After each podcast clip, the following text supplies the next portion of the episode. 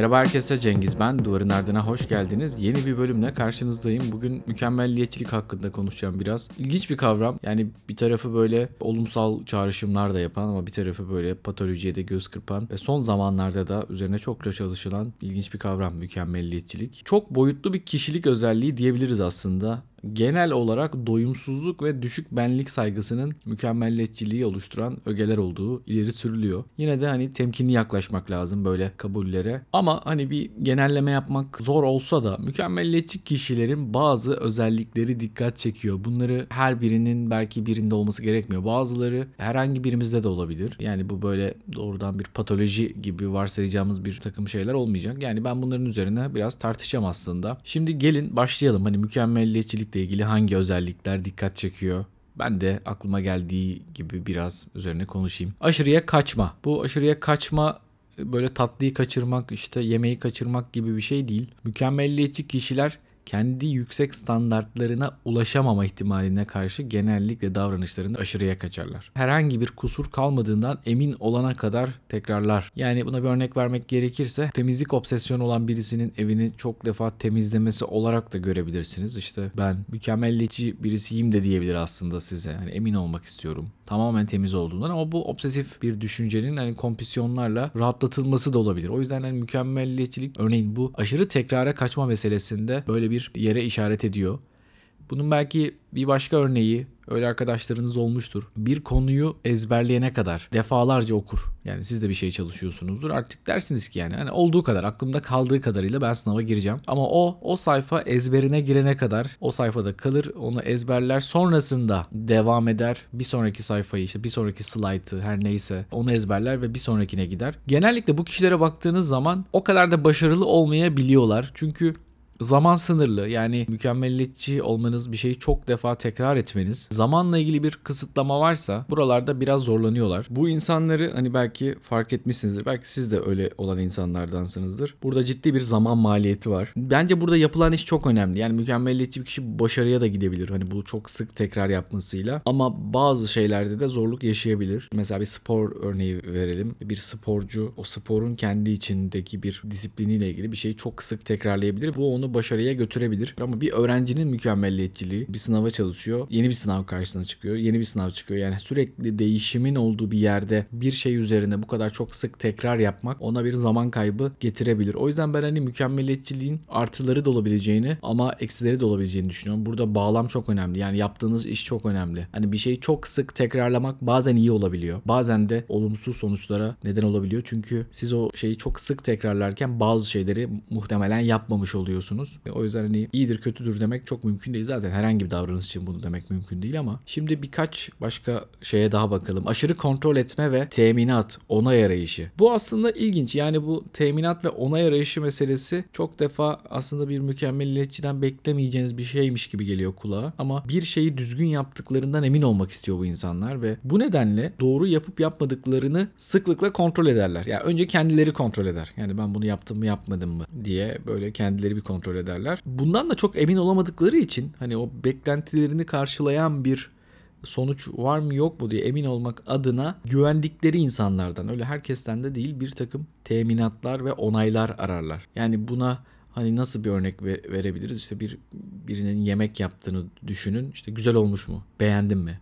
Tuzu nasıl? Yani bazı insanlar böyle sizi yaptıkları şeylerle ilgili bunaltırlar. Bir bir şekilde böyle tekrarlayan sorular sorarlar. Sizin iyi demeniz, oldu demeniz de çok yetmiyor. Onu böyle bir şekilde rahatlatmanız gerekiyor. Böyle insanlar var çevremizde. O teminat beklentisi olan, ona yarayan insanlar çok fazla var. Aşırı program ve liste yapma Mükemmelliyetçi kişiler yapılacaklar listesi ya da araç gereçleri belli bir düzene göre dizme gibi detaylarla çok meşgul olurlar. Bu tür bir aşırı düzenleme işlerini bitirmelerine engel olabilir. Yani bunu aslında çoğumuz yapıyoruz yani böyle bir liste yapıyoruz ve bu listeyi bir şekilde tamamlamaya çalışıyoruz. Ama belki bunu biz daha nasıl diyeyim daha böyle majör şeyleri yazdığımız bir liste gibi yapıyoruzdur. Hani mükemmelliyetçi insanlar değilsek ya da unutmamak için yapıyoruzdur. Ama mükemmelliyetçi bir kişi her adımı çok detaylarıyla yazdığı bir liste yapar ve bu listeyi hazırlamakla o kadar meşguldür ki işine geçemez. Yani hani listedeki ilk maddeyi yapmaya başlayamaz bir türlü. Çünkü listenin de mükemmel olması gerekir. Yani o listede hiçbir şeyi unutmaması gerekir. O yüzden böyle bunun üzerine çok uğraştıkları olur. Burada belki şöyle adımlar atılabilir. Hani mükemmelliyetçi kişinin bu tarafından faydalanmak adına o kişiye liste yapma görevi verirsiniz. Diğer insanlar da bir grupsa bu şayet o listedeki eylemleri uygulamaya başlar ya da işte oradaki planları. Belki böyle bir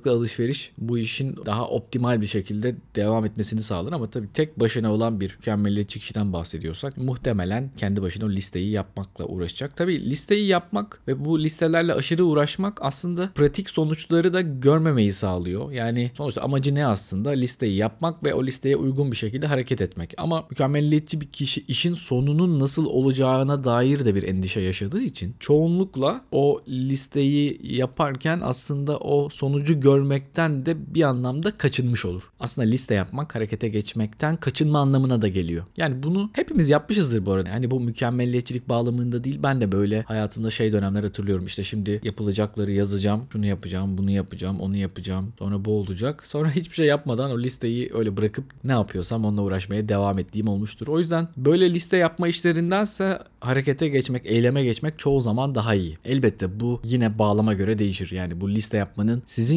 yaşamınızda ne anlama geldiğini fark ettikten sonra bunu yapmaktan bahsediyorum. Belki de gerçekten liste yapmaya ihtiyacınız vardır. Ona bir itirazım yok. Kararsızlık önemli bir şey mükemmelliyetçi insanlar için. Yani onların çok dikkat çeken özelliklerinden bir tanesi. Genellikle kararsızlık yaşarlar. Hayatta her zaman birçok alternatifle tabii karşı karşıya kalırız. Mükemmeliyetçi kişiler ise telafisi mümkün olmayan hatalar yapmaktan korktukları için bu alternatifler arasında seçim yapmakta zorlanırlar. Yani bir hata yaparsa yani aslında bir seçim yaparsa bu yaptığı seçim bir hata ise buradan aslında bir zarar göreceğini düşünür ve bu da ona çok kötü hissettirir. O yüzden seçenekler arasında böyle ciddi bir buhran yaşar. Yani işte hangisini seçsem, onu mu seçsem, bunu mu seçsem, işte şöyle mi yapsam bunun çok küçük bir peynir seçiminden çok büyük kariyer seçimlerine kadar devam ettiğini görürsünüz. Tabii ki insan bazen birbirine çok yakın seçenekler arasındayken böyle bir paralize olma haline girebiliyor. İşte bunu mu seçsem, bunu mu seçsem diye. Bu seçme ikilemlerinde doğruyu seçme şansımız varsa tabii ki onun üzerine bir mesai yaparız ama beklemenin de bir zaman maliyeti var. Yine aynı şeye geldik. Yani ben bunu mu seçsem, onu mu seçsem derken bir bakıyorsunuz o bütün seçenekler masadan gitmiş. Siz zaten hiçbirini seçememiş oldunuz. O yüzden hani böyle uzun uzun kararsızlıklar mükemmeliyetçi insanların hayatında ne yazık ki bazı olumsuz şeylere yol açabiliyor. Çevrenizde öyle insanlar varsa, arkadaşlarınız varsa o anlarına tanık olursunuz. Yani o kadar çok kararsızlık içindedir ki yani bir yanınız şey der yani ona ya şundan yapsan aslında bu sana daha iyi olur ya da işte sana daha iyi gelir ya da denemeye ne dersin diye söylersin. Biraz da kızar. Yani hangi seçeneğe dikkat çekseniz size o seçeneğin eksilerini sayar. Tamam o zaman ötekine geç desen onun eksilerini sayar. Asla böyle bir yetinme hali olmaz. O yüzden hani buralarda yardım etmek de çok zor bu insanlara. Çünkü en iyi seçimi, en mükemmel seçimi yapmak istiyorlar. Muhtemelen hani speküle ediyorum tabii ama bu insanlar romantik ilişkilerinde de benzer zorlukları yaşıyor. İşte bir romantik partnere yatırım yapmak onları korkutuyor. Çünkü sahiden onun için en iyi partner o mu olacak? İşte bütün geleceğini onunla mı kuracak? Onunla mı evlenecek? Bu konularda çok ciddi endişelere sahip olduğu için belki bir ilişkiyi denemekten bile çekiniyor olabilir. Yani başlayayım bir ilişki yani belli bir çekimi hissettim. Yani bundan sonrasına zaman içinde karar verebilirim gibi düşünmek yerine en iyi tercih yapmam lazım. İşte bu ilişki benim için doğru karar mı? Şimdi başlarsam bu ilişki belki hiç bitmeyecek. Ömür boyu istemediğim bir ilişkinin içinde kalacağım gibi belki senaryolar mümkün olabilir. Erteleme aslında bütün bu şey konuştuklarımın bağlamında ertelemenin de bir yeri var. Aslında çok anlaşılabilir. Mükemmelliyetçi kişiler bir işe başlamayarak işi mükemmelin altında yapma olasılığından da kendilerini kurtarmış olacaklardır. Bu da işte liste yapmak, kararsız kalmak gibi birçok şeyle yan yana geldiğinde son derece tutarlı. Yani ben ona bugün başlamayayım da tam müsait olduğum bir zaman başlayayım. İşte tam 1 Ocak'ta başlayayım ya da tam şu tatilin dönüşünde başlayayım. Ya da işte tam boş bir günüm olsun öyle başlayayım. Oysa yani belki de işte bir şeyi yapmak için sadece en azından başlamak için bir 5-10 dakikalık bir başlangıç bile yeterli olabilir. Her zaman hani böyle mükemmel bir zaman zamana, ciddi anlamda böyle bir boşluğa ihtiyacımız yok. Ama mükemmelliyetçi kişiler için erteleme sığındıkları bir liman. Tabi erteleme pek çok insanın aslında hani günümüzde üzerine konuştuğu da bir şey. Belki onun için ayrı bir şeyler de yapılabilir ama mükemmelliyetçilik bağlamında anlaşılabilir bir şey. Çünkü mükemmelliyetçi insanın en büyük korkusu yaptığı işin mükemmel olmayacak olması ve bundan kaçmanın da bir tek yolu var. Bunu yapmamak. Yani yapacaksak da ertelemek, sonra yapmak, en iyi zamanda, en uygun zamanda yapmak. Oysa hiçbir zaman en uygun zaman olmayacak. Yani bu hayatımızın her evresi için geçerli. Hadi ben bunu kendim için de söyleyebilirim. Yani bir sürü şey var ertelediğim, yapmayı sonra bıraktığım, daha iyi bir zaman olacak diye. Yani haklı olduğum yerler de vardır muhakkak. Sonuçta her şeyi her an yapamazsınız. Daha iyi zamanlar muhakkak vardır. Ama bir noktada şunun muhasebesini yapıyorum. Yani ben bunu biraz erteledim ama sanki o kafamdaki uygun zaman gelmeyecek. Yani bunu ben ya şimdi yapacağım ya da hiç yapmayacağım. Hani burada biraz insanın kendisiyle yüzleşmesi de gerekiyor. Öyle zamanlarda ufak da olsa başlamaya çalışıyorum. Görev paylaşımında zorluk bu önemli bir özellik. Yani mükemmelliyetçi kişilerin biraz da böyle kendi başına iş yapmalarıyla da alakalı olabilecek bir şey işaret ediyor. Mükemmelliyetçi kişi başkasının işi mükemmel yapacağına güvenmediğinden işbirliği yapamaz. Başkasına bir işi bırakamaz. Bütün işi tek başına yapmaya çalışır. Bu bazen iyi de olabilir. Size iş bırakmayacağı için, kendi kendine uğraşacağı için ne güzel işte dersin her işi kendi hallediyor. Bazen de böyle nasıl diyeyim onun için yorucu olabilir. Diğer insanlardan uzaklaşmasına neden olabilir. Yemek yaptığını düşünün birinin. Mutfağa kimseyi sokmuyor. İşte bir şef mesela ya da bir insan düşünün yemek yapıyor ama kimseye ellettirmiyor. Onu ben yapacağım diyor. Sen elleme diyor. Ya da mangalın başında arkadaşlarla arada gidiyoruz böyle bir yerlere. Birisi diyor ki etime elletmem. Ben yapacağım bunu. Ya burada bir özgüven de olabilir tabii ama o şey diye de düşünebilir. Ya işte ben bunu çok mükemmel yapıyorum. Diğerleri benim kadar özenmeyebilir. O yüzden bazı bazı şeylerde insanlar tek başına yapmayı tercih ediyorlar bazı şeyleri. Bu tarz şeyler var. İnsanlar her zaman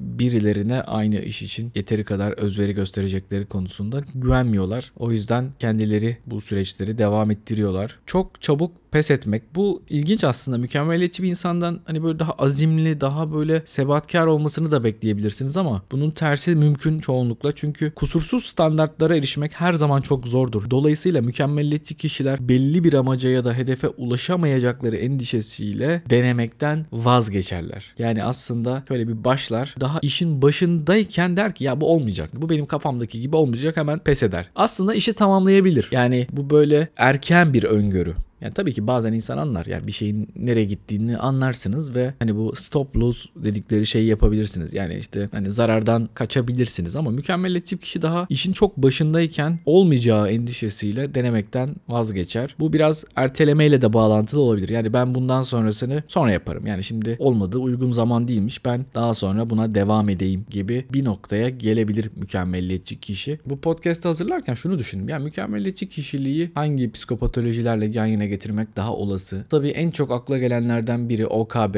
obsesif kompulsif bozuklukta mükemmelliyetçilik çok sık gördüğümüz bir şey. İşte özellikle temizlik obsesyonları, kompulsiyonları olan insanlarda yani kirlenme obsesyonları diyelim. Yani her şey temiz olmalı. Her şey steril olmalı. Hiç bakteri olmamalı elimde. Dokunduğum yerler tertemiz olmalı. Elimi çok iyi yıkamam lazım. İşte bütün kıyafetlerimi çok iyi yıkamam lazım gibi. Bir, bir de diğer taraftan belki simetri ve düzenle ilgili obsesyonlar. Orada da yani her şey çok nizami olmalı. Her şey çok sıralı olmalı. Bu tarz şeyler olabiliyor. Depresyon belki olabilir. Orada mükemmelliyetçilik hani böyle nasıl depresyonun bir sebebi olabilir. Yani depresyon mükemmelliyetçiliğin sonucu olabilir. Hedeflerine ulaşmaktan vazgeçen, pes eden insan aslında hani mükemmelliyetçiliği nedeniyle belki de pes ediyor ve bunun sonucunda bir depresyon karşımıza çıkabilir. Bir şekilde narsistik ideallere ulaşamayacağını, o narsistik doyumu sağlayamayacağını anladığı zaman insan bazen bir yaz sürecine girer ve bu yaz süreci aslında sizin bir şeyleri yapmanızı da erteler. Bu anlamda hani mükemmelliyetçiliğin böyle bir yere işaret edebileceği kanaatindeyim. Başka nerede olabilir? Hani düşünüyorum, sesli düşünüyorum. Belki hani böyle daha katı, daha rigid bir yerden okursak mükemmelliyetçiliği doğrudan hani vardır yoktur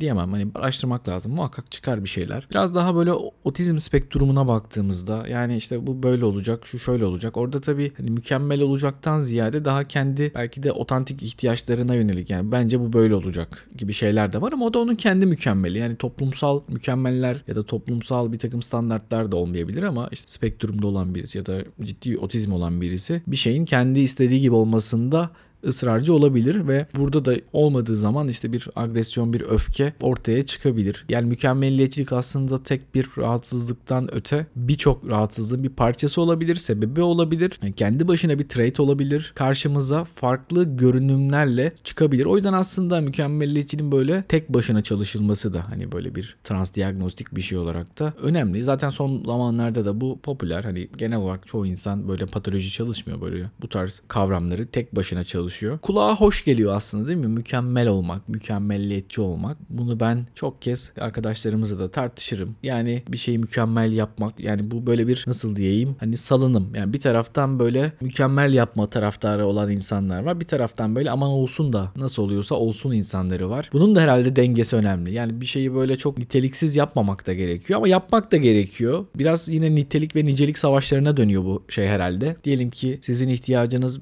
doçent olmak için bir tanecik makale yazmak. Hani son her şeyi hazırlamışsınız. Bir tane makaleniz kalmış ve o makale size hem doçentlik ünvanını getirecek hem maddi bir getiri getirecek hem çok uğraştınız, çok yoruldunuz artık bu mücadelenin biraz olsun azalmasına yardımcı olacak. Daha önce çok iyi makaleler yazmışsınız. Şimdi bir tanecik ortalama belki işte çok da niteliği önemli olmayan bir makaleye ihtiyacınız var. Hayır ben mükemmel bir makale yazacağım derseniz ve işte yıllarca bunun üzerine çalışırsanız burada çok ciddi bir maddi kayba uğrayabilirsiniz. Ya da işte mesela Türkiye'de son zamanlarda doçentlik kriterleri değişti. Bu kez bambaşka bir doçentlik dosyası hazırlamanız gerekebilir. E ne olmuş oldu şimdi? Çok ciddi bir kayba uğramış oldunuz. Ama işin bir diğer tarafı ya ben doçent de olmayayım hani çok da önemli değil. Ben işimi en iyisi olarak yapayım. Çok iyi yapayım. E, çok düzgün yapayım. Yani bu da evet buna da katılıyorum. Ama bu da hayatın işte belki realitesinden biraz sizi uzaklaştırıyor. Evet yani bir şeyi mükemmel yapmak, çok nitelikli yapmakla ilgili bir arzunuz, isteğiniz olabilir ama insanın başka ihtiyaçları da var. Bazen bu ihtiyaçlar birbirlerinin önüne geçiyor. O yüzden tabii ki kişinin bağlamı içinde bunları değerlendirmek gerekiyor ama bazen herhalde esneyebilmek gerekiyor. Yani mükemmeliyetçi insanların belki de orada zorlandığı şey belki biraz da otistik tarafa yakın bir özellik diye düşünebiliriz. Oradaki o esneyememe, o koşullara uyum sağlayamama, o taraf biraz zorluyor insanları. Yani bunu ruhsal açıdan, sosyal açıdan, işte